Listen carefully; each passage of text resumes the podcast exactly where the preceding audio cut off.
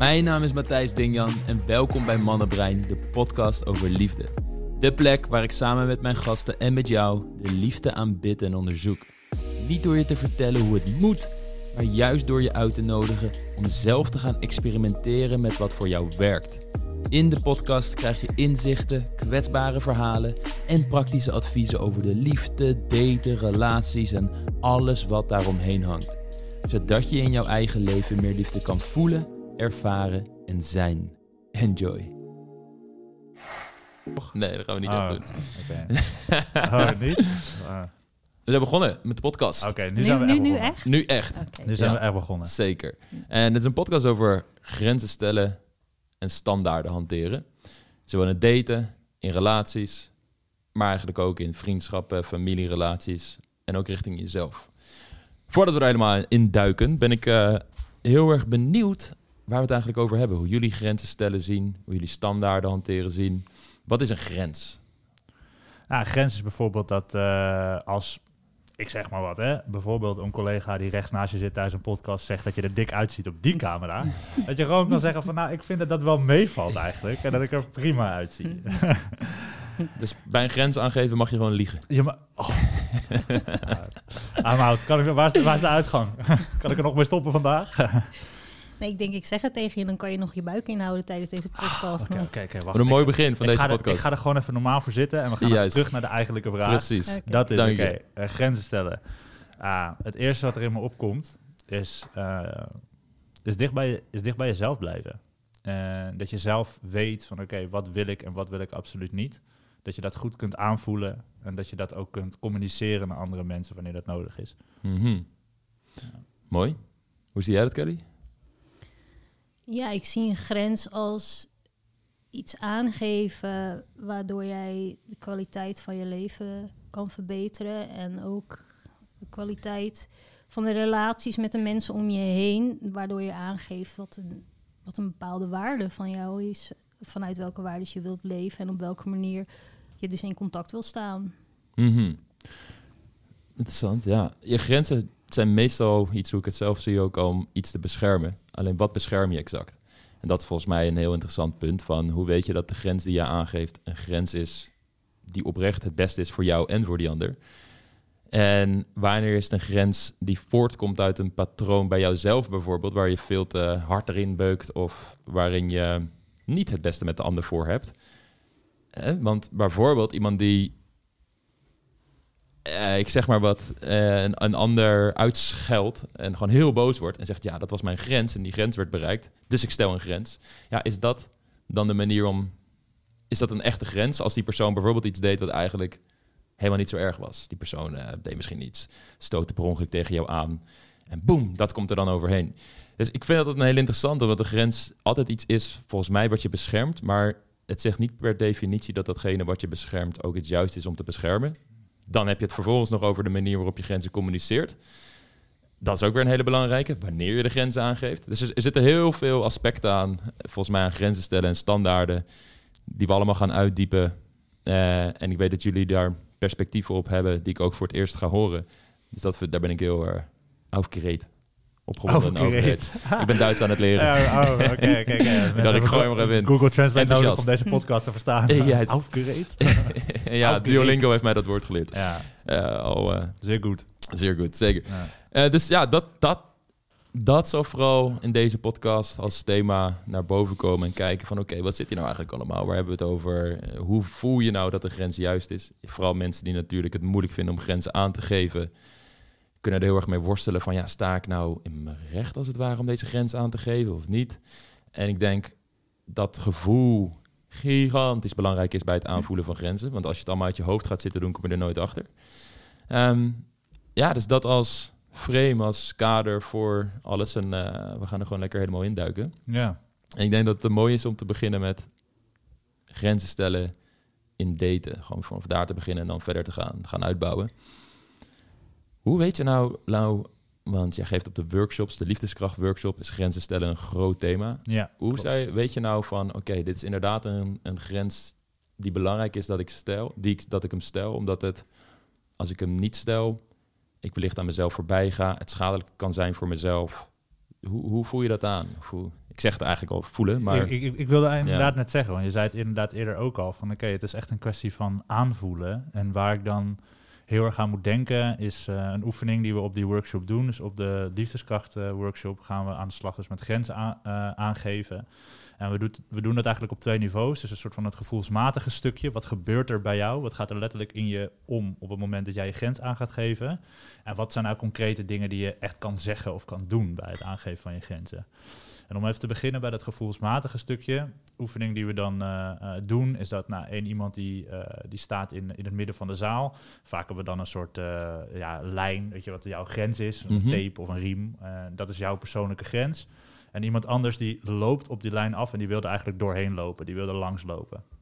En jij gaat dus aanvoelen bij jezelf als die persoon dichterbij komt, van oké, wanneer wordt het mij te veel? Wanneer gaat die, wordt die spanning eigenlijk te hoog? En geef ik mijn grens aan? Meestal door één kreet, weet je, van hey, stop of hey, blijf staan of nou, dat soort dingen.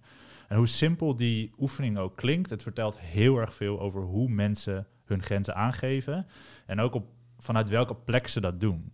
En een term die ik heel vaak gebruik tijdens het geven van die oefening is een kalme assertiviteit.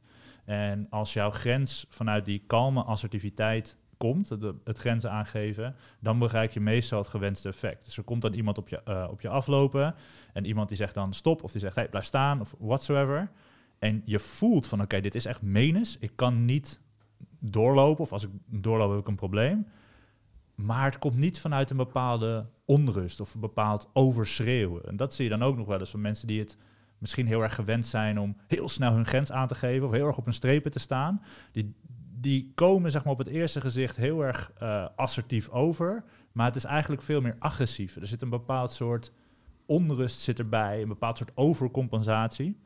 En dan heb je ook nog de andere kant van het spectrum. En dat is juist veel te passief of veel te laat je grens aangeven. Mensen juist langs die grens laten gaan. Of wel stop zeggen, alleen ja, het komt er totaal niet, niet uit. Er is eigenlijk geen gevoel bij. Het is de, de wesp die steekt en de puppy die altijd lief is en eibaar is. precies, precies. En het gaat om de balans uiteindelijk vinden. Soms neig je wat meer naar het ene, omdat dat nodig is. Soms neig je wat meer naar het andere, omdat Ja. dat nodig is.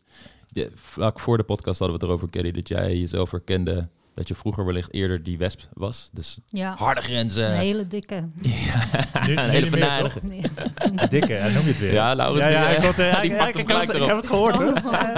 Ik zag een glimlach op gezicht onder de tafel. Het was Ja. geen hint naar jou. eh, Ja. nee, Oh, nee. oké, niet. Nee, Nee, oké. dit was had betrekking op mezelf. Ja, oké, nee, precies. Maar eh, Ja. hoe is dat voor jou geweest om dan een switch te maken naar ehm, meer naar het midden? Wellicht ook soms dan misschien weer juist te lief. Dat zou kunnen, dat mensen er weer doorschieten een andere kant op. Hm. Hoe was dat voor jou en hoe, hoe zag je het toen je de wesp was? Kan je nog de, de staat van zijn die je toen belichaamde voor de geest haalde? Ja. ja, om te beginnen kan ik dan aangeven dat ik uit een, een nest van wespen kom. Dus dat was voor mij ook gewoon eigenlijk op een normale manier reageren om zo standaarden of grenzen aan te geven. Ehm, nou ja, naarmate dat je dan gaat ontwikkelen, dat je ouder wordt. En nou ja, het is bekend dat ik eh, wel aan mezelf heb gewerkt, omdat ik een, een lastig ver- verleden heb gehad. En ehm, toen kwam ik achter dat ik zo inderdaad niet in contact met mensen wilde staan. En ja, dan moet je gaan reflecteren op jezelf, hoe je dan wel wilt reageren. Maar dat heeft ook te maken met wat er in jezelf speelt. Waarom reageer je zo? Dus je moet, om te beginnen moet je naar jezelf gaan, naar binnen gaan kijken. En daar vind je de antwoorden van dit is wat er in mij speelt. Ehm, dit, is, dit is geen grens meer, maar dit is gewoon een trigger wat vastzit aan pijn, waardoor ik op deze manier reageer. En dan moet je eerst aan die, aan die oude pijn gaan werken en dat gaan genezen, zodat je toch uit een sowieso een fijnere plek kan gaan reageren. Hmm. Dan weet je ook waar je staat. Dan weet je waar je vandaan komt ook, laten we het zo zeggen. Want anders is het een opwelling en dan is het geen grens meer, maar die trigger. En je reageert gelijk omdat je niet in controle bent over de emotie die erachter zit. Dan moet je dus gaan genezen in jezelf. Nou ja, dat heb ik dus met de therapeut gedaan. eh, veel opgelost, waardoor ik meer mezelf leerde kennen en eerder mijn grens ook kon aangeven. Want wat ik vaak deed was, ik wist niet, ook niet waar mijn grens lag. Dus ik liet mensen ook vaak overheen gaan, waardoor ik me daarna onveilig voelde en niet prettig. En dan als een bij weer terugkwam om vervolgens dat even goed duidelijk te maken hoe het zat. Ja. En maar door jezelf beter te leren kennen, kan je ook eerder aangeven waar je vandaan komt. Van als het gevoel niet goed is, je staat meer in verbinding met jezelf, dus het voelt niet goed. Je bent je er bewust van, de bewustwording is daar. Kun je op een andere manier gaan reageren? Of dat helemaal in lijn is met hoe authentiek je bent.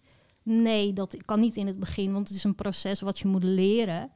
Waardoor je toch nog in bepaalde momenten op een manier reageert dat nog niet helemaal juist is, zoals je zou willen. Later voelt dat nog steeds als die trigger die daar is. Je merkt toch dat er nog een onrustig gevoel is. Dus je hebt wellicht nog steeds niet vanuit jouw normen en waarden kunnen reageren zoals je zou willen. Dus het is de norm in jezelf of de waarde in jezelf die nog niet daar is, maar ook de vaardigheid nog steeds niet goed genoeg beheerst om hem ook goed aan te kunnen geven. Ja. Dat moet je gaan ontwikkelen. En dan zijn de mensen om je heen in principe nog een beetje proefkonijnen, om het zo maar te zeggen. Hmm. En dan moet je toch nog weer eens terugkomen van... hé, hey, ik heb toen zo gereageerd. Wellicht wel al beter dan in het begin natuurlijk... of sowieso beter dan in het begin. Maar nog steeds niet helemaal op de juiste manier. Nou, en dat is iets wat je over, over de jaren gewoon moet gaan leren... door jezelf eh, te, gaan, te blijven ontwikkelen... eh, objectief te blijven, te blijven kijken naar hoe je dan wel wilt communiceren... en wat voor relaties je om je heen wilt handhaven. Dus ja, het- je moet beschikken over een groot reflectievermogen daarin. En ervan uitgaan dat je vanuit een fijne plek wil gaan reageren. Over die vaardigheden aanleren van hoe je grenzen stelt en standaarden hanteert, kunnen we straks over hebben. Waar ik Mhm. nog nieuwsgierig naar ben, dat je zegt, de, de trigger komt uit een pijn voort. Ja, Maar een grens stel je ook vanuit een bepaald onprettig gevoel. Namelijk iemand gaat over een grens heen en dat voelt niet goed. Hoe maak je het verschil tussen die twee? Hoe herken je dat verschil? het, het, het lijkt veel op elkaar. Ehm, als ik echt, echt dat ga uitspitten, waar ik natuurlijk zelf ook veel over na heb gedacht, is dat een, een trigger ehm, is toch intenser. Dat is iets wat je bezig gaat houden. Eh, dat geeft een, een meer onrustig gevoel dan dat bijvoorbeeld iemand eh, de kopjes op het aanrecht laat staan, wat ik niet zo leuk vind. En waardoor ik het dan bijvoorbeeld elke keer maar opruim. Dan neem ik dat werk tot mij, zeg maar. En op een gegeven moment kan ik me daaraan gaan irriteren en zeggen van... hé, hey, ehm, zou jij ook gewoon verantwoordelijkheid willen nemen om je eigen troep op te ruimen? Mhm. Ehm, nou ja, dan zeg ik het geen niet-troep, noem ik het dan. Maar Ja. dus dat is iets van... ehm, ja, dat is niet een persoonlijk iets. Eh, ja, misschien als ik me bijvoorbeeld onwaardig zou voelen... zou ik denken van... hé, hey, ik ben niet zeker de schoonmaakster of zo... Dus eh, al, Ja. ik moet het allemaal maar doen. En dan komt het uit een trigger, want dan heeft het te maken met eigenwaarde. Maar als iemand dat neerzet en ik heb gewoon mijn eigenwaarde is in orde en dat kopje staat daar en, ehm, en ik heb zoiets van, hé, hey, dit is nou al de zoveelste keer. Hey, hey, eh, lieverd, zou je volgende keer even dat gewoon in de vaatwasser willen zetten? En dat scheelt mij ook werk. En dan is het er gewoon een grens. Of, en anders is het als ik zeg van ik ben hier niet de schoonmaakster, dan komt het echt vanuit oud zeer. Want dan, heeft het, dan, dan zit het dieper. Ja, Ja. en dan, dan zit er ook dus een, een, bepaalde, een bepaalde vijandigheid zit er dan bij. Of een bepaalde aanval of een bepaalde negatieve energie. Terwijl bij het gezond grens aangeven komt het dus veel meer vanuit die kalme assertiviteit, vanuit een veel kalmere plek. En soms, sommige mensen die denken dan wel eens van, oh, dus ik mag nu nooit meer mijn grens aangeven of ik moet het altijd heel zacht doen of zo. En dat is helemaal niet waar. Je kan nog steeds met die, met die pit kan je grens aangeven wanneer het moet. Van hé, van de manier hoe je nu tegen me praat, eh, dat pik ik gewoon niet. Dus weet je wel, doe dat niet. Alleen het is nog steeds vanuit een bepaalde, zoals Kelly ook zegt, een bepaalde verbinding met jezelf, een bepaalde eh, rust waarvanuit je dat nog steeds kan brengen. Niet vanuit die, die onrust, vanuit die geraaktheid, vanuit die, die negatieve energie. En het is, al, het is soms lastig om het uit te leggen, omdat het dan heel erg in, in woorden kan vervallen. Maar het is echt iets wat je bij jezelf kan, kan aanvoelen. En ik denk ook Ja. luisteraars, als die nu meeluisteren, dat ze zich, eh, hè, dat je wellicht ook kan nadenken, oké, wanneer zijn situaties geweest wanneer ik mijn grenzen aangaf vanuit een bepaalde ja, rust in mezelf, dat ik dat kon zeggen, dat ik dat kon doen en dat het ook aankwam. En wanneer voelde ik dus die spanning of die passief-agressiviteit die erbij was. En als je, hoe beter je dat bij jezelf gaat ontdekken, hoe, ja, hoe makkelijker uiteindelijk het ook wordt om vanuit de juiste plek te reageren. Maar ja, dat is natuurlijk wel een proces. Ja, en, en Ja. ook wat ze ook leren natuurlijk in de, in de cursus, ehm, dat ehm, een grens aangeven in eerste instantie gewoon kalm en rustig is vanuit een fijne plek komt. Maar als die grens niet goed wordt ontvangen of er niks mee gedaan wordt, dat je dus ook wel een duidelijkere grens mag stellen. Ja. Waar ook cons- de consequenties aan vastzitten. En als er dan weer niet gereageerd wordt, zoals eh, jij dat ook noemt, het stoplicht. Hè? Ja. Dus het, het, het begint bij, bij groen, dan Ja. gaat het naar oranje en uiteindelijk ga je gewoon een, een harde grens stellen. En ja, welke woorden je daarbij gebruikt, ik denk dat, dat die nuances daarin wel heel belangrijk zijn, dat je niet mensen gaat afkraken. Maar ik denk, als je een grens stelt, dat je wel iets mee moet brengen daarin. En daar bedoel ik bij dat er een consequentie aan vastzit, want anders is het geen grens. Nee. Ja, daar, daar wil ik hem zo nog over hebben. Ik ga nog weer één stap terug en een hypothetische, hypothetische situatie aan jullie voorleggen. Nou ja. De kopjes-situatie vind ik heel interessant. Het is oké. Ik zie die kopjes op het aanrecht staan. Het is een patroon. Ik heb het vaker opgemerkt. Ik merk, ik ben daar veel tijd aan kwijt wellicht. En ik, het geeft me een vervelend gevoel. ja. Ik ben ingecheckt met mezelf. En ik ga je dat aangeven. Dit is hoe mijn brein werkt. Ik vind het gewoon interessant als gedachte-experiment. Het kan zo zijn dat het gevoel dat ik aan rommel op het aanrecht heb geplakt, mee geassocieerd heb, niet een correct gevoel is. En dat het eigenlijk juist in the greater good of all fijn zou zijn als er kopjes op het aanrecht staan. Ergens ga ik er dus vanuit dat mijn wereldbeeld het hoogste goed is in deze situatie. En dat het voor iedereen beter is wanneer die kopjes in de, in de afwasser belanden in plaats van op het aanrecht. Nu zullen de meeste mensen denken, ja, dat is inderdaad een fijnere plek voor die kopjes. Eh, Dat geeft me, weet je wel, dan kunnen we heel veel voordelen daar opno- in opnoemen. Maar ergens komen we dus als mensen tot een soort consensus over bepaalde dingen die volgens mij voor iedereen fijn zijn. En ik denk dat dat met dit soort situaties nog best oké is te doen, weet je. En hele extreme dingen zoals mensen slaan of iemand eh, helemaal verrot schelden voor iets heel kleins. Allemaal vrij duidelijk. Daar zit weinig gewin in en ik denk dat de meesten wel tot de conclusie komen dat ze inderdaad niet het hoogste goed en daar moet je grenzen aan geven. Mhm.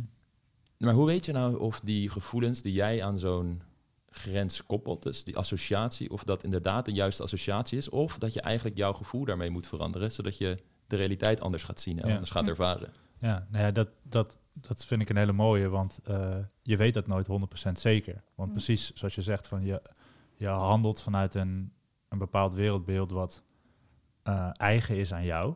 En je kan ervan uitgaan van, oké, als jij met je eigen patronen hebt gewerkt en je staat in verbinding met jezelf, dat dat inderdaad ook dicht bij het soort hoogste goed is wat we dan allemaal hanteren. Maar wat ik ook eh, mensen leer op die liefdeskrachtworkshop, ook als ze zeg maar, dat ook niet zo goed weten. Van ja, van een soort van, zit ik hier wel goed met mijn grens? Of hoe, hoe- ja, weet je, hoe zit dat? Of kan ik dit nu wel zo zeggen? Mhm. Om je grens aan te geven door te zeggen van, nou, bijvoorbeeld dit kopjesvoorbeeld. Van hé, ik merk dat als je de keuken hebt gebruikt, dat er dan nog wat kopjes staan. Eh, nou, mij geeft dat een beetje een vervelend gevoel, van een onprettig gevoel in de keuken. Want ja, ik zou het graag netjes hebben. Maar ja, hoe is, hoe is dat voor jou als ik het nu zo zeg? En, en inchecken bij die ander. Gewoon door echt die, die vraag van hé, maar Ja. maar hoe is dat eigenlijk voor jou? En dan ga je, je, je stelt ten eerste stel je je grens. Dus je hebt duidelijk je grens laten weten. Maar je gaat daarnaast ook het dialoog aan met iemand anders. Van oké, van hoe kunnen we hier samen van groeien? Juist. En, en dat, dat is ook hè, hoe ik mensen grenzen aangeven leer op, op die workshop. Is van, het gaat er niet om dat jij even je grens aan kan geven... zodat jij gelijk hebt en die ander fout zit. Dat is Nee, ego. het- Ja. Dat is ego. Het, Ja. het gaat erom dat jij je grens aan kan geven, zodat het een win-win wordt voor beide partijen en jullie beide van die situatie kunnen leren in het beste geval. Mhm. Eh, en dat doe je altijd door dus in verbinding te blijven met mensen. En zeker als je nou, misschien twijfelt aan een bepaalde grens die jij hebt gezet, of als je twijfelt aan het gedrag van de ander, van hé, maar hè, hoe kan dat nou? Waar komt dat dan precies vandaan? Inchecken bij de ander, van hé, maar hoe komt dat en, en hoe zit dat bij jou? Dat kan zo'n mooie vraag zijn, want dan opeens wordt het niet meer van ik heb gelijk en jij niet, maar het is van hé, ik merk dit, dit doet iets bij mij en ik nodig jou uit om hier samen met mij dit te gaan onderzoeken, zodat we met elkaar op zoek kunnen gaan naar het hoogste goed in deze situatie voor ons, voor onze relatie. Super mooi. En ik kan daar heel erg in vinden, in, in vinden omdat ik inderdaad. Duits invinden? dat is mijn eigen taaltje, die komt winkel. ja, ja, Een beetje binnenmonds rare woorden verzinnen. Want dan ben je samen aan het uitpluizen hoe die relatie voor jullie beiden goed voelt en een win-win is. Een mooi concept van Stephen Covey daarin. En dat is ook mijn eigen antwoord hierop. En eigenlijk altijd als je dat doet, doet voelt het gevoel mee en merk je dat als je vanuit hart tot hart gaat spreken, dat het vaak tot een oplossing gaat leiden.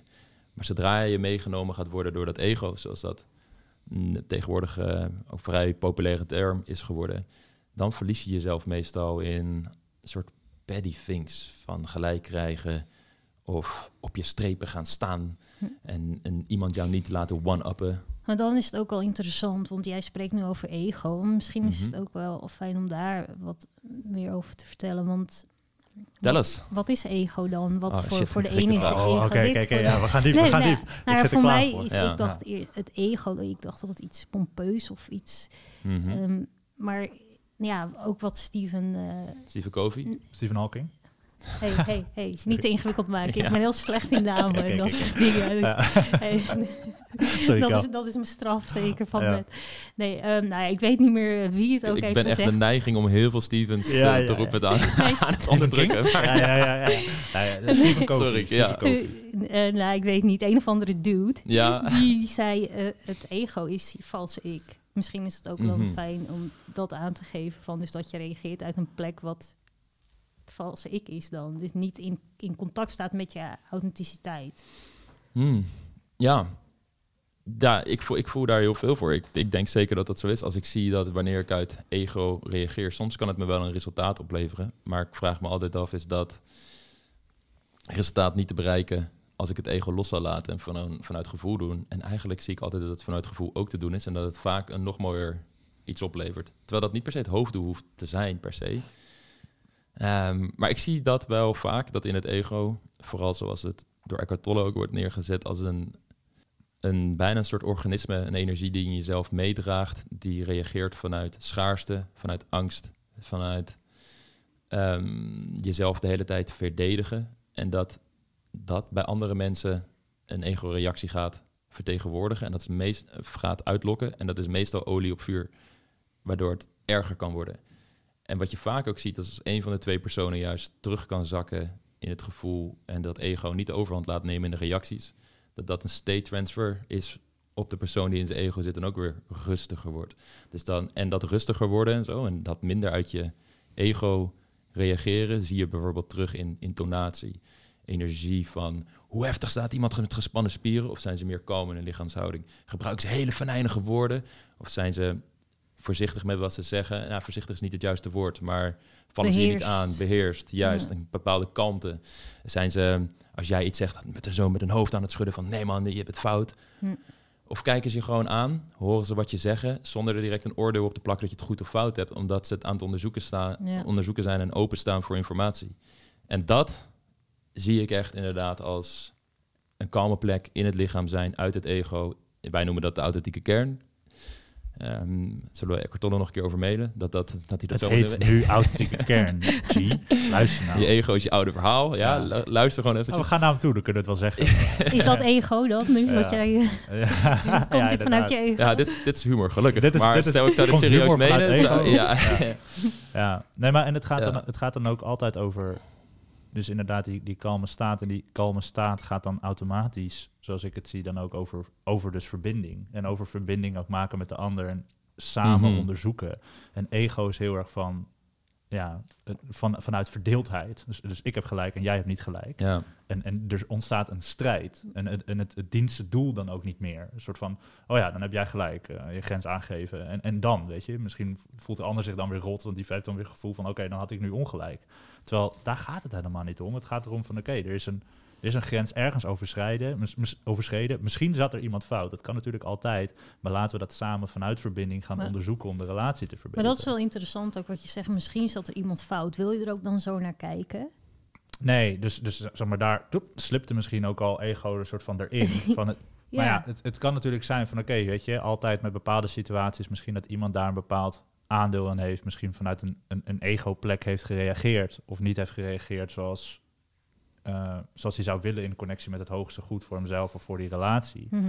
En dat zou natuurlijk kunnen, maar een soort van, ja, als je dan vanuit verbinding daarover gaat praten, bijvoorbeeld ook met je partner, dan gaat het niet meer om, oh ja, maar ik heb gelijk en jij had voor de zoveelste keer weer niet gelijk. Of Ja. jij deed het voor de zoveelste keer weer fout. Een soort van, ja, dat, dat is allemaal zo naast die, zeg maar, strijd met elkaar. Terwijl je wil elkaar juist helpen. En dat, dat, dat is dat, wat ik ook zelf in mijn eigen relatie probeer te doen.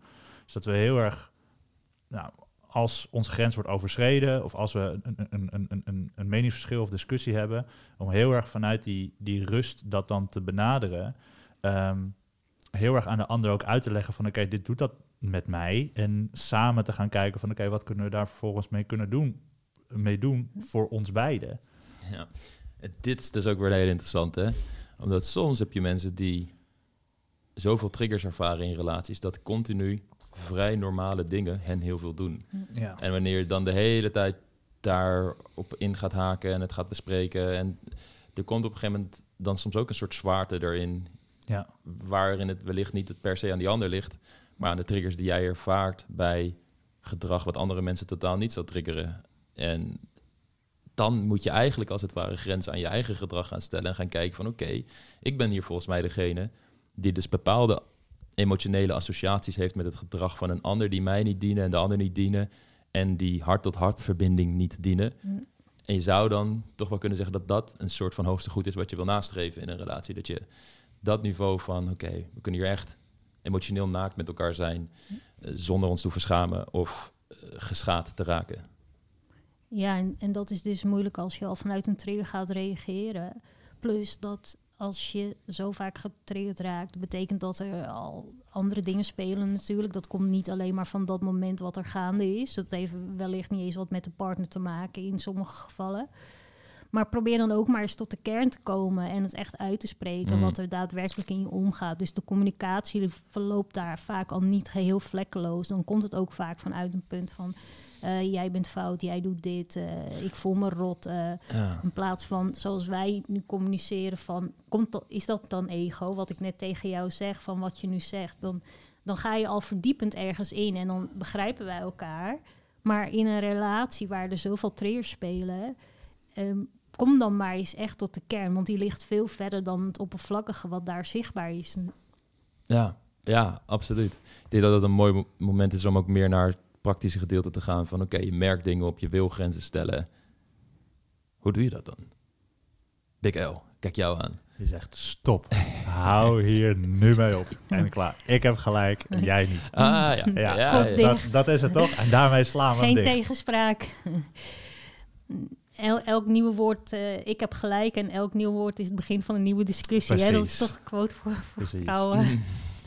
Eh, de vraag is van, oké, van hoe, ja, hoe, hoe geef je dat aan? Dus je, toch? ja, dus oké, je bent het met jezelf aan het onderzoeken. Ja, Je hebt het gevoel van ja, wat hier gebeurt vind ik gewoon echt niet fijn. ja, Ehm, voor zover ik dat bij mezelf kan inschatten, is Ja. het geen trigger, maar is het echt iets waar we wellicht samen in kunnen groeien. ja, En ik, en ik ook de spiegel kan zijn voor die andere persoon. Niet vanuit ego, maar meer vanuit ik ben niet beter dan jou. Ja. Maar wij samen hebben hier een dynamiek waar Ja. ik waarschijnlijk ook een aandeel in heb. Hoe gaan we dat fixen? ja.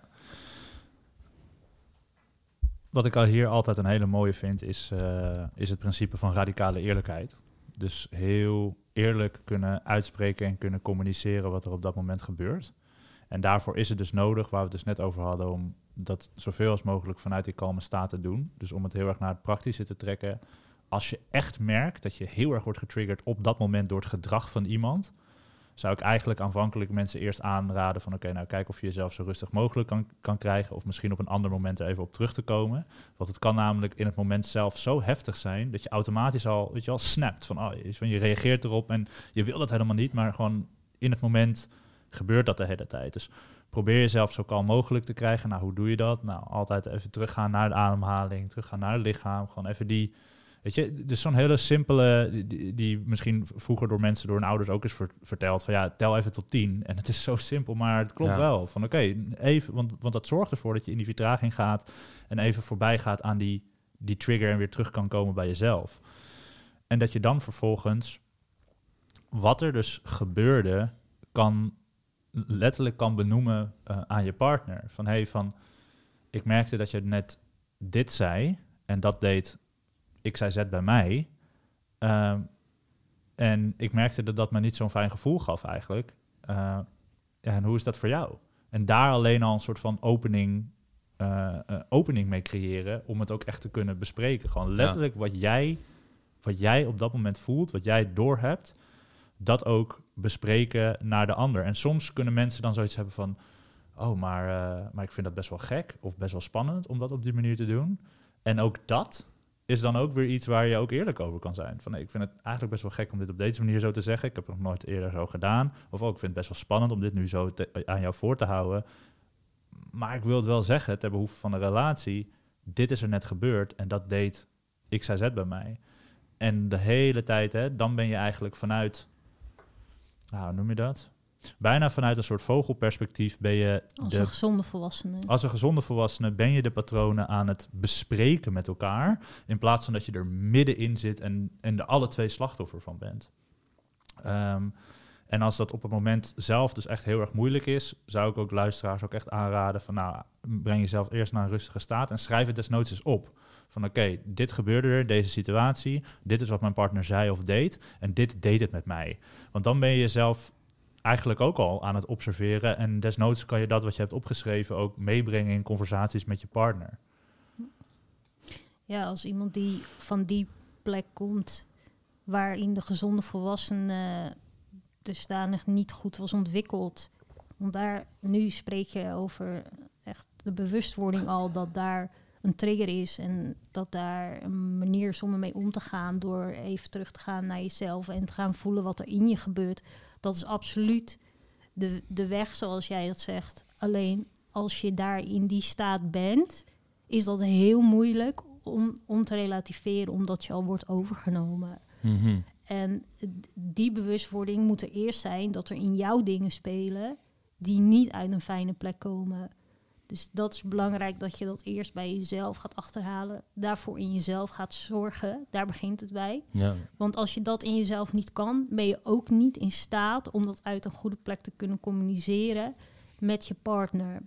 ja, en dat geldt zowel voor de wesp als de puppy. Want de wesp is overduidelijk, iedereen neemt dat snel waar van, oh ja, de scheldwoorden of de venijnige toon of het sarcasme, wat het ook is, wat jouw wapen is. Mensen kunnen dat redelijk snel zien. Maar wanneer iemand zich opstelt als het slachtoffer en in de rol gaat van, kijk wat mij aangedaan wordt, waarom is de wereld zo oneerlijk, zie die andere persoon en wat zij allemaal fout doen, dan is het soms subtieler. Omdat we denken van, ja, maar het is toch gerechtvaardigd, want ik ben toch slachtoffer in deze situatie, want die persoon doet dit, toch dit tegen mij. En het kan een subtieler iets zijn, maar het kan dezelfde bron hebben, namelijk niet helemaal in contact staan met wat je voelt, wie je bent, je eigen waarde niet op orde hebben en niet genoeg liefde voor jezelf voelen, waardoor je vanuit deze staat van zijn gaat reageren in dat contact. Als je dit wil gaan, gaan oefenen en dit wil gaan ontwikkelen, grenzen aanstellen, grenzen aanstellen. Grenzen. Ook Duits. Aanstellen. Ja. Grenzen aanstellen. Eh, wat, wat, eh, wat is het proces volgens jullie? Hoe, hoe doe je dat? Ik, denk- ik denk dat je er nog wel eentje hebt. En dat is gewoon geen grenzen stellen. Dat is gewoon Mhm. overal in meegaan. Dat is ook een weg. Ja, dat, voor mij is dat de puppy. Zeg maar, dus lief zijn. Maar Eh, wil je- ja, daar maar- zit dan het slachtoffer in, in de puppy. Maar ook Mhm. degene die, die meegaat. Ja, Dus oké. ja. Dus het eigenlijk ehm, alles maar over zich heen laat komen. Ja. Eh, weet je, waarschijnlijk binnen de puppy heb je weer verschillende soorten Gradaties honden en van- pappies. Ja, ja. Weet je wel, absoluut hè, absoluut. Het is Van een, de eh, pitbull tot de, tot de poedel of de chihuahua. ja, ik Ja. denk dat elk model wat een oversimplificatie is van de werkelijkheid, Ja. heel veel nuances op zijn aan te brengen. Ja. En, ook een, en ook een interessante daarbij is de, het gemaskeerde verzet. Dus van die mensen die zeggen van, oh, het, het maakt me eigenlijk helemaal niet zoveel uit hoor. Of, oh, ja, dat Ja, boeit dat- me toch niet. En dat- dan dat- onder, onderwijl Ja, ja, ja, ja. speelt er zo ontzettend Dat is veel. heel mooi. Toevallig la- las ik daar... Dat, nee, toevallig las ik daar ook een artikel van. van ja, ik, doe, ik zeg ook Ja, goede dank je, Ik zeg niet alleen maar dat je dik bent. Nee, nee. Oh ja, ik was het alweer vergeten hoor. Ik ben helemaal zelfbewust nou. Ja. Nee, maar dat gemaskeerde, dat is heel mooi. Want dat gebeurt ook in het daten. Bijvoorbeeld, eh, op, een, op een datingsite zie je dan vaak van... ehm, nou ja, er wordt aangegeven van ik ben op zoek naar iets casuals of niet. En, nou. en heel vaak zijn vrouwen wel op zoek naar een relatie. En vaker zitten mannen daar meer voor casual contacten... om het zomaar even te Mhm. bestempelen. Maar wat vrouwen daar dan vaak in doen, van, die zeggen dan... nee, ik ben ook eigenlijk maar op zoek naar iets casuals. Terwijl dat niet zo is. Maar gewoon puur een eigen grens overgaan... om toch aan een date te komen of een man... Ja. En daar gaan ze dus voor zichzelf al een grens over. Maar dat is iets wat zo vaak gebeurt... Mhm. dat ze gewoon maar een andere waarde aangeven... of hoe ze naar of een, een datewaarde anders eh, vervormen... om maar ehm, ja, op de markt eh, te kunnen komen, zeg maar. Zomaar. Absoluut. Ja, zeker, zeker. En tijdens dat daten, als je het al merkt, stel je hebt gewoon een leuke klik met iemand en je hebt dat niet aangegeven en die andere persoon ook niet. Dus je weet niet helemaal wat de intenties van elkaar zijn, maar het contact draait niet op seks. Het is gewoon echt leuk, ze tonen interesse, je gaat op date. En misschien ook op een tweede date en je merkt van oké, die persoon vraagt me mee naar huis. En dan, je weet wel van ja, zou kunnen, er zou wat kunnen gebeuren, maar het is wel echt gezellig, ik ga nog wel even mee naar huis. Daar gebeurt het, je gaat wat zoenen, wat je ook gewoon nog prettig vindt, dat vind je nog oké. Op een gegeven moment gaat het naar meer. En misschien doet hij zijn shirt uit. Dat zijn de momenten die voor mensen heel lastig zijn. Mhm. Omdat je daar dus precies op de vraag komt: wat is mijn grens en waarom heb ik die grens? Wat, waarom voel ik bepaalde associaties bij deze grens? Is het nu dat ik de star ben als ik hier niet in meega? En dat ik uit angst reageer dat als ik seks met hem heb, hij me nooit meer wil zien? Wat ergens angst is. Of is dat gewoon een, een grens van: hé, hey, laten we gewoon rustiger aandoen, dat voelt beter voor mij. En dat is ook prima. Eh, weet je wel, hoe- dat gevoel, ik denk dat, wat ik, wat ik ook vaak hoor, dat veel mensen op dat soort situaties moeite hebben om een grens aan te geven. Omdat ze soms eerst in zo'n situatie gezeten moeten hebben, Hm. waarbij ze achteraf voelen, dat was niet fijn. Mhm. Zodat ze ervan kunnen leren en een andere volgende keer zo'n situatie anders aanpakken. Maar idealiter zou je ook al van tevoren in, zo in contact staan met jouw grenzen en dat zo goed aanvoelen, dat ook in nieuwe situaties die je nog nooit hebt meegemaakt, al weet vanuit intuïtie, authentieke kern, Hm. te reageren zodat je je grenzen gewoon kunt hanteren. Zodat je niet elke keer iets klotigs mee moet maken waar je achteraf spijt van hebt, zodat je de volgende keer je grens kunt aangeven. De- is dit gewoon een kwestie van, oké, goed leren, in je contact te komen met je grenzen, het uitproberen, het doen. Ja. En Ja. misschien dat je op dat moment zelf, omdat je het nog niet gewend bent, net even te hard, te hard of stellig bent en bijvoorbeeld een soort schrikreactie hebt van, hé, hey, nee, nee, sorry, nee, ik voel me hier nog... en Dus klinkt misschien nog een beetje angst door in je stem, Het zou kunnen. Weet je wel, van, eh, oh, sorry, maar... Of dat je misschien te veel gaat verontschuldigen van, nee, ik vind je echt een hele aantrekkelijke man, maar... Daar is het lastig, denk ik, om echt ingecheckt te blijven met. Oké, hey, eh, Ja. luister, ik vind het, je hebt een heel aantrekkelijk lichaam, maar voor mij gaat dit iets, te ver, iets, iets te snel. Ik zou graag wat rustiger aan doen. Had je Dus- tegen mij? Of, Ja, eh? ja, Laura zit zijn shirt uit te trekken hier eh, tijdens de podcast. Kel, jij wilde op, eh, jij, Ja. jij wil Ja, wat ik, zeggen. Ja, ik, ik, moest, ik moest lachen terwijl je je verhaal deed. Want ik, ik heb dat, dit dus meegemaakt met iemand die Mhm. eh, inderdaad mee naar huis ging, een drankje doen en ehm, nou, naar huis zoenen. En ja, mannen die gaan dan graag al sneller verder. Ja, maar ik weet het ook, want ik En- heb ook aan die andere kant gezeten. Ja, Dus- het, is, het, is, het is ook normaal. En Ja. ik zou ik zeggen, als, als ik een hele leuke date heb, ik ben niet van de one night stands, maar ja, ik heb ook een gevoel. En in het moment kan je daar zeker in meegaan. Ja, En die grens inderdaad, wat jij zegt, moet je gewoon een keer overgaan. En dan kan je er alleen maar van leren. Hey, too bad, misschien heb je goede seks gehad, misschien niet. Hoop, ik hoop van wel. Maar dan heb je ervan geleerd. Maar naarmate dat ik dus wat meer ging daten en ook achter die grens kwam waar die voor mij lag, heb ik wel eens meegemaakt dat die man was zich al helemaal aan het uitkleden. en ik had al mijn kleding nog aan. En nou, broek uit, sok uit en stond helemaal naakt in mijn kamer. dat is ook wel snel dan. Ja, ja, echt super snel kan, kon hij zijn kleding uit. partyboy van Jack. Ja, het was echt- Zo, wauw. De Ja. naked man. Ja. I Met Your Mother. Het was echt, echt super snel. Maar mijn gordijnen stonden gewoon open. Het was overdag. Ik zeg, ik weet niet hoor. Maar mijn buren kunnen je wel gewoon zien nu. Dus. Ja. Ja. en toen was hij wel wat afgekoeld. En toen trok hij zijn kleding weer aan. Maar ik- Oh, oké. Oh, de buren ik- kunnen we zien. ik- ik alles weer gewoon Ja, aan. ik Oh, was- ja, dat had ik niet aangedacht. Maar Ja. ja. voorheen wist ik dat ook niet. Maar in dat moment was ik gewoon zo cool dat ik het aanschouwde. En dacht, nou, ik vind deze show wel interessant. Wat is hier allemaal gaande? Ah. En dat is, dat is dus ook nadat je al meerdere malen eerder in zulke situaties bent geweest, toch? En ja, dat- ik weet nog heel goed mijn allereerste date via Tinder. Dat was zo'n ongelooflijk leuke date. En ehm, ja, dat eh, is ook...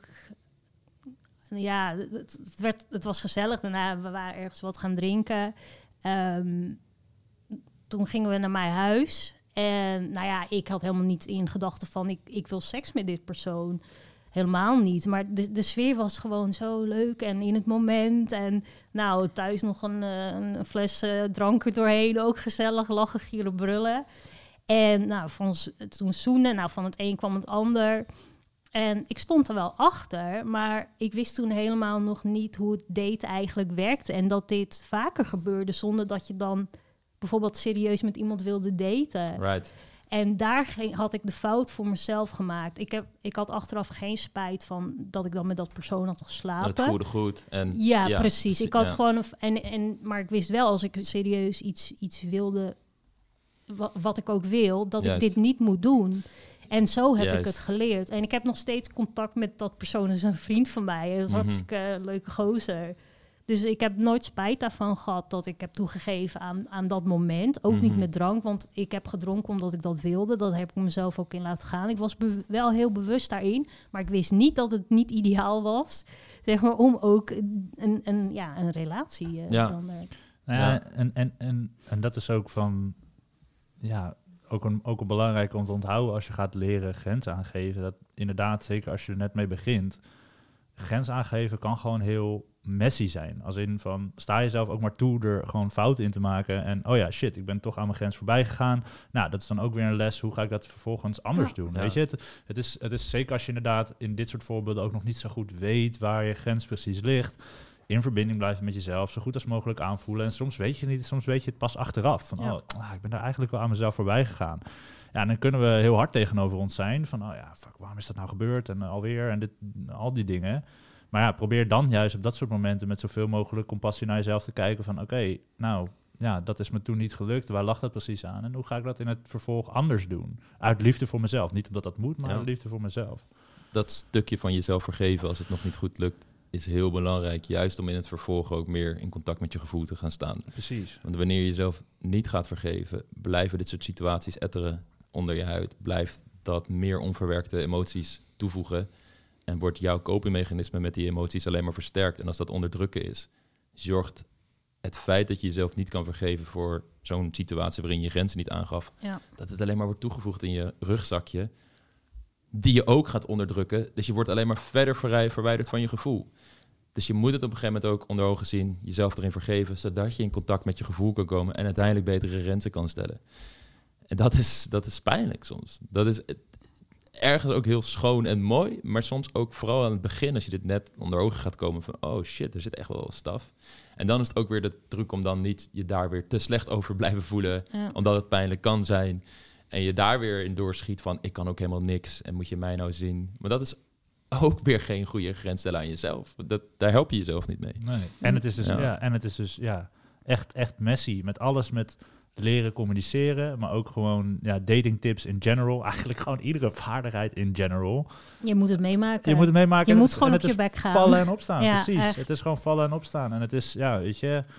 En helaas, de meeste van ons die krijgen eh, niet aangeleerd eh, op school of door onze ouders van hoe we op een gezonde manier onze grenzen aangeven. Nee. En nee, je bent ermee bezig en je probeert Ja. je bewust van te zijn. En zie je dat ook als een groeiproces. En hartstikke mooi dat je dat aan het doen bent. En sta jezelf er ook toe fouten in te maken. Want ja, dat ja, gaat gebeuren. Ja, nou, de, de pijn is, is wel echt eh, die erna komt ook. Eh, Zoals het voorbeeld wat ik net aangaf. Die is wel echt heel kut, dus maak geen fouten. Nee, nee, maar, nee, maar dat is, nee, maar dat is ook goed om ook te weten eigenlijk. Want zoals Matthijs zegt ook, eh, ja, je, dingen, je gaat gewoon je, je neus stoten en het gaat gewoon vervelend voelen. En daar ga je ook uit leren. Want met die man had ik bijvoorbeeld ook daarna weer contact. En toen gaf je eigenlijk aan dat hij ook helemaal niet toe was aan een relatie. En nu weet ik ook gewoon hoe ik die mannen moet filteren. Want ik deed wel voor serieuzere doeleinden. Klinkt heel serieus. Voor serieuze niet- doeleinden. Dit zeg ik niet Ja. tijdens het daten, want dan rennen ze weg. Nee, Ik deed nee. serieuze Dus dan doeleinden. geef ik geen grens aan. Ja, alleen maar serieus. Het moet super serieus zijn. Dan valt hij niks te lachen. ja, nou ja, goed. Maar die, dat is wel een grens die ik van mezelf weet nu. En dat, dat communiceer ik op een speelse manier, zoals Mhm. wij dat ook aanleren. Maar Ja. voor mezelf weet ik wel heel goed nu wat ik wil. Maar daarin kwam ik erachter van, holy shit. Hè. Ehm, ik heb nu mezelf gegeven aan iemand die eigenlijk helemaal niet serieus is met mij. En dat voelde zo ontzettend moeilijk. Ehm, gelukkig kon ik daar met dat persoon ook nog wel goed over praten. Even dat, dat niet, en niet dat het afhankelijk is van die ander, maar ik kon wel even mijn gevoel daar kwijt. Want we hadden toch ook iets gedeeld wat voor mij iets kwetsbaars is en iets persoonlijks. Ja, ik, ik zeg ik, ben niet iemand van de one night stands. Dus daar gebeurde wel wat met mij. En uiteindelijk had ik ook zoiets van, oké, welkom in de wereld Hmm. van het daten. en toen dacht ik, oké, dus dit werkt gewoon anders. En toen ben ik me gaan inleren, ook bij mannenbrein terechtgekomen, Mhm. naarmate dat is, naarmate ik vaker ging daten. En van, ja, maar hoe ga ik dan wel die alleen maar serieuze kandidaten. Wel voor serieuze doeleinden. Ja, Hoe doe ja. ik dat dan? ja, die- Ja. Zeg maar, of in ieder geval een man die hetzelfde instaat als mij. En dan kom je op standaarden, waar voor mij een wezenlijk verschil in zit in grens is. Grens is echt, oké, er wordt iets overstreden als het ware, ehm, wat, waar ik bij mezelf of het contact moet beschermen. Standaarden zijn voor mij meer, ik heb een visie voor juist alle dingen, eh, de mooie kanten van onszelf die we in dat contact naar voren kunnen laten komen. Dus oké, ik wil bijvoorbeeld op dates gaan die buiten de deur zijn en leuk zijn, zodat je ook echt in andere om- omgevingen kan leren kennen. Dat is bijvoorbeeld een standaard die je hebt voor daten. Het verschilt voor mij van een grens. Dus ik zie dat niet als een grens. Het is een soort, je Ja. laat zien hoe het contact met jou kan zijn, als het ware. Dan laat ik dan een grens uitleggen wat recent nog is voorgekomen. Dat ik contact met een man. En die ehm, liet twee dagen, eerst één dag niks van ze horen. Prima, kan gebeuren. Iemand heeft druk. Mhm. Toen hadden we weer even contact. En toen werden het twee dagen. dacht ik, hé, hey, Na jouw berichtje, na een berichtje van jou, Ja, waar hij dan bericht. twee dagen niet op reageerde. juist, die manier, ja. berichtencontact. Dus hij reageerde dan niet terug. Nou ja, vroeger had ik daar heel anders op gereageerd. Maar nu weet ik gewoon als iemand niet consistent is daarin... dat er andere dingen spelen in zijn leven. Of je bent niet... Of hij vindt het contact niet leuk genoeg. Of hij heeft gewoon een heel druk leven. Ook allemaal prima. Maar dan weet je al dat er dingen zijn. In ieder geval dat het niet bij mij past. Op die Ja. manier wil ik niet in het contact staan. Dus ik heb eh, diegene een bericht gestuurd van... hey, alles leuk en aardig, maar dit is niet manier hoe ik in het daten sta. Dus ik ga het contact verbreken. Ik ga ook iemand niet ghosten dan. Ik ben nog wel zo netjes om daar een grens aan te geven. Mhm. En ehm, toen had ik verwijderd, toen kwam hij terug via mijn Instagram. En toen begon hij toch weer van, hé, hey, ja, ik begrijp het, maar ik, ik ben wel heel erg geïnteresseerd in je. En toen dacht ik, oké, iemand die geïnteresseerd is, die reageert wel. Die laat niet twee dagen, maar goed, het kan een keer. Dus ik denk, ik geef hem nog een kans. En toen ging eigenlijk weer hetzelfde. En toen heb ik gewoon eh, een eh, voicebericht gestuurd van, nee, eh, nu is het echt duidelijk. ik laat het hierbij, veel succes met je verdere reis. Ja, En loslaten. Ja, absoluut. Absoluut. En dat is ook, kijk, en misschien dat die man iemand gaat vinden, ik denk het niet, maar iemand gaat vinden die het helemaal fijn vindt dat hij twee dagen niks van zich laat horen en denkt, oké, mooi, dan hoef ik ook even twee dagen niks van me te laten horen. Weet je, en misschien dat dat gaat matchen en dat dat gaat passen. Het mooie Op daarvan basis van wat ik zie, denk ik niet dat dat gaat gebeuren, maar Nee. ik sta open voor verschillende dingen in het leven. Ik denk niet dat ik de waarde in pacht heb of alles helemaal perfect weet, maar waar het inderdaad het, het hoofdpunt is, het voelde niet goed voor jou Nee. en je hebt het aangegeven. En uiteindelijk eh, is hij ook heel open geweest over wat er speelde. Right. En het, hij zei tegen mij dat hij bevroor. Ehm, omdat hij dacht dat ik out of his league was of zoiets. Onzekerheid in ieder geval speelde er. Dus ja, en dat voelde ik ook in het contact dan terugkomen. Maar dan heb ik dateervaring. Ja. En dan nog hoef ik niet helemaal na te gaan denken. Dit vond ik dan mooi om teruggekoppeld te krijgen van... hé, hey, er waren dus inderdaad dingen die al speelden bij de ander. Maar het mooie daarvan was dat ik weer naar mezelf had geluisterd... en gewoon naar mijn gevoel had geluisterd... en uit ervaring die ik heb opgedaan in het daten... dat dit niet mijn manier is.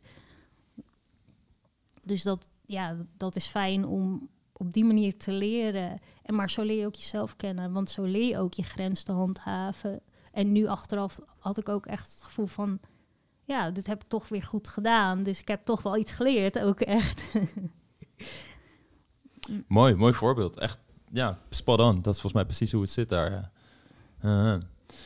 Nou, als mensen dit lastig vinden, dus ze worstelen hiermee, ze horen dit, wat zou je hen aanraden? Als ze het lastig vinden om een grens aan te geven, bedoel je dan? dus ze hè? voelen daar bijvoorbeeld veel spanning bij. Dus mensen die horen dit, oh ja, met mijn gevoel inchecken, nou, ga ik doen. Ah, ik merk dat er ook wel heel veel spanning zit om een grens aan te geven, bijvoorbeeld. Of dat ik het toch niet zo goed durf. Of dat ik dan toch snel overgenomen word door bepaalde emoties. En daardoor toch in dat patroon, in het ego schiet. Eckhart Tolle weer boos op me is. En Ja, ja, precies. Ja, dus nee, inderdaad, hè, dus bewustzijn blijft daarin een- echt een hele, een hele belangrijke. Zoveel als mogelijk vanuit die radicale eerlijkheid. Het liefst samen met die persoon ook communiceren waar dat kan. Ja. Eh, maar als je echt merkt van, oeh, dat vind ik ook echt, echt super lastig. Ehm, ja, dan, dan zou ik vooral zeggen van, nou ja, schakel daar ook eh, hulp bij in. Eh, iemand die jou daar ook bij, bij kan helpen. Zij het een, een, een coach. Nou ja, ik geef het zelf ook hè, met op de liefdeskrachtworkshops leer ik mensen om dat te doen. Maar ja, ook genoeg andere coaches, therapeuten die je daarbij eh, kunnen helpen. Want zoals ik al zei, sommige mensen die hebben dat gewoon simpelweg niet. Veel mensen hebben het Ja. niet geleerd op school of, of door hun ouders. En als er dan ook nog eens een keer allemaal andere patronen aanwezig zijn die maken dat jij het zo lastig vindt om je grens aan te geven. Of juist dat je zo overdreven je grens aangeeft dat je de hele tijd vanuit die agressieve, passief-agressieve hoek komt en je kan jezelf er maar niet in bedwingen. Ja. Dan zou ik echt zeggen van nee, maar dit is niet iets wat je in je, in je eentje hoeft op te lossen. Ge- Geef daarbij ook een mooie grens aan naar jezelf. Van oké, nou blijkbaar is dit gewoon is dit te veel nu voor mij en kan Mhm. ik dit niet in mijn eentje. En eh, schakel daarbij de juiste hulp in. En daarnaast ook hele kleine stapjes. Dus zie het echt als een oefening. Als jij überhaupt al, bijvoorbeeld na het luisteren van deze podcast, als je überhaupt al begint met meer ingecheckt zijn in gevoel en opschrijven van oké, nou wanneer word ik precies getriggerd en wat gebeurt er dan precies als iemand iets zegt of wanneer mijn grens wordt overschreden en je doet er verder nog niks mee, maar je valt dan nog wel in het oude patroon.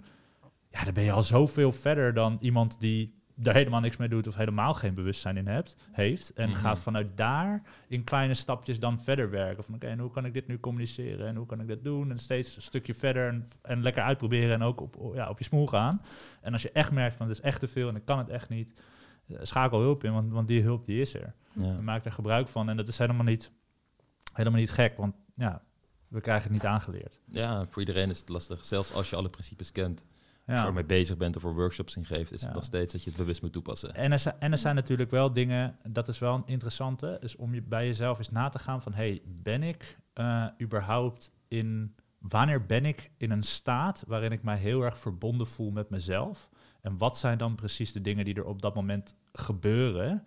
En kijk of je dat eh, op kan roepen of daar meer in contact mee kan komen in situaties die je wat moeilijker vindt. Dus om daar een, een, een voorbeeld bij te geven van, eh, ik kreeg laatst deze, deze vraag van iemand. Toen ben ik achtergekomen van, nee, eigenlijk als ik, als ik aan het coachen ben, dan ben ik in een hele, hele kalme staat, volledig aanwezig bij degene die, die ik probeer te helpen. En toen realiseerde ik me van, hé, hey, maar waarom gebruik ik diezelfde kalme staat niet ook, ook naar mezelf? In bepaalde die, dingen die ik in het dagelijks leven doe. Al is het maar afwassen of al is het maar, weet je wel, iets... ehm, Ja, iets opruimen of zo, gewoon met veel meer aandacht doen. En doordat ik opeens die koppeling kon maken van, hé, maar wacht, het is helemaal niet vreemd aan mij, kon ik dat dan ook eh, gebruiken. Dus misschien, weet je, als je nu luistert, zijn er gewoon bepaalde momenten waar je denkt van, oh ja, dan, dan zit ik er echt goed in. En dan, dan, dan voel ik me verbonden met mezelf. Eh, en die staat is dus helemaal niet vreemd aan mij. En die zou ik dus ook kunnen aanraken tijdens het, het, het, het grenzen aangeven. Eh, ja, en nou ja, sowieso wat voor mij persoonlijk heel erg heeft ge- geholpen is ook ja, weet je, lekker sporten, vechtsporten, gewoon echt ja, een beetje, hoe noem je dat? Ah, iets intensiefs doen, een beetje op die manier ook van je af leren Mm. bijten. Dat he- ja, heeft mij persoonlijk heel erg geholpen in mijn reis om ook mijn grenzen beter aan te geven. Ik, ik weet niet of dat voor iedereen werkt, Nee, maar er zijn veel wegen Mhm. die naar Rome leiden. ja, iets actief doen en met je, met je lichaam helpt daar gewoon heel erg bij. Ja, Ja. mooi. Voor jou, Kelly? Heb je nog hoe, wat dingen die jou geholpen hebben waar je van zegt dat zou ik nog willen delen? Ja, het is eh, een reis van, van bewustwording en in, in het kort samengevat wat we eigenlijk al wel hebben besproken hier zo. Het is eh, vallen en opstaan, met compassie naar jezelf blijven kijken Ja. daarin. En ehm, inderdaad van, wat, wat Laurens heel mooi zegt ook weer, ehm, van als ik in mijn rol van coach ben, wat niet een rol is, maar een kwaliteit van jou die jij bezit, ook kan toepassen op jezelf. En dat vond ik Hmm. zelf ook heel mooi dat ik mensen ging onderwijzen daarin. Dat Ik ik, vind de growing curve van Kel tijdens deze podcast zo mooi. ja, zo, hoe je begon en hoe je nu afsluit met een mooi compliment. Ja, dat vind ik, vind, ja, vind ik oprecht heel mooi. Ja, dat wil ik je ook Oh. teruggeven. Ja, echt. ik, ik zat heel geboeid te luisteren van, nou, nou, nou komt er echt ja, ja, iets zinnigs nee, uit. ja. Oh, Oké, oké. ja, dan zijn we terug bij... Ja, ja, ja, ja. Ja. Sorry Kel, ik onderbrak je. Ja. Zo'n mooi moment tussen ons. Het is die push and pull, het zijn Ja, ja. datingcoaches. Hè? Dat, Ja, dat don't your hopes up, Ja. ja. Je Lau. Je hè. speelt Zo. met me. Ja, ja, ja, ja. Kijk, eh, ik, eh, ik heb geleerd. Ik gebruik gewoon de, de mannenbrein en technieken hier zo eventjes eh, zo over de tafel. eh. Ja. Mm. Maar anyways, waar was ik? Ja. Dat je de kwaliteit Oh, ja. van in die kalme staat zijn die je tijdens het coachen oh, ja, toepast. Ja, zeker. En dat, dat Ja. heeft mij geholpen. Maar toen kon ik het al. Dus eigenlijk stap je dan weer een beetje uit je oude patroon. En dan ga je het van buitenaf weer bekijken. Maar dit is dan een gedeelte van jou. Wat wij ook wel eens noemen als voorbeeld. Uh, man van, goh, wat zou je als je een vriendin bent... jezelf adviseren als vriendin zijnde, zeg maar. Dus dat je... Mhm. Want in jezelf zie je dat vaak niet. Je, Ja. je, je, ja, je voelt dat er veel is. Je weet wellicht niet waar je het zoeken moet. En dus daar begint het bij jezelf ontwikkelen, inzien wat er is, zoek hulp, ga uitpluizen, ga, ga naar je authentieke kern. En dat is inderdaad van opbouwen door bijvoorbeeld, eh, ik heb, eh, ben ook gaan sporten, ik ben eh, grenzen gaan verleggen. om te kijken wie ik was, waar ik mijn grens over ging. boeken gelezen, andere mensen gekeken, die eigenschappen hadden van... wauw, dit vind ik mooi, dit wil ik ook bezitten. Ik wil niet dat persoon worden, maar ik vind die kwaliteit van dat persoon heel mooi. Ja. Ehm, zo ben ik mezelf gaan opbouwen. Dus het begint eerst een stuk bij jezelf, wat ik eerder ook zei, voordat je daadwerkelijk ook die waarde, die grens kan, kan communiceren naar, naar jouw partner of, of een familielid of een baas. Werkgever, laat ik zeggen. Een hond heeft een baas. Misschien is het een labrador of een poedel, maar Ja, een hond heeft een baas, Matthijs. Ik ben gewoon jouw baas. Dat is mijn grens, ja. Ja, het is, eh, ik denk dat we heel snel deze podcast moeten eindigen voordat je Laurens op gekke ideeën Ja, brengt. ja, ja, precies. Dat dat is mooi geweest. Ja, ja. niet meer als baas Matthijs aanspreekt. Maar dat, dat doe ik namelijk, dat doe ik namelijk iedere dag hoor, mensen. Ja, baas Matthijs, hoe is je dag vandaag? Ja, maar meestal heb je me dan ook wel in een headlock. En dan zeg je, Hey, baas ba- Matthijs? Baasie. Hé, hey, ben mijn baas, toch? Ja, hè? ja, ja. Om dan toch weer even een grap over mezelf te maken. Hè? Ja, dat, weer, eh, dat is ook leuk. zelfspot. Zo is dat. Ja, dat is ook leuk. Zo is dat. Ja, en het is een grap, het is geen realiteit, hè? Nee, nee. nee. Het is gewoon grap. Nou, Ja. dan eh, gaan we deze podcast er echt afronden. Dank Yes. jullie wel. En tot de volgende. Keer. Tot de volgende. Bye, bye. Bye.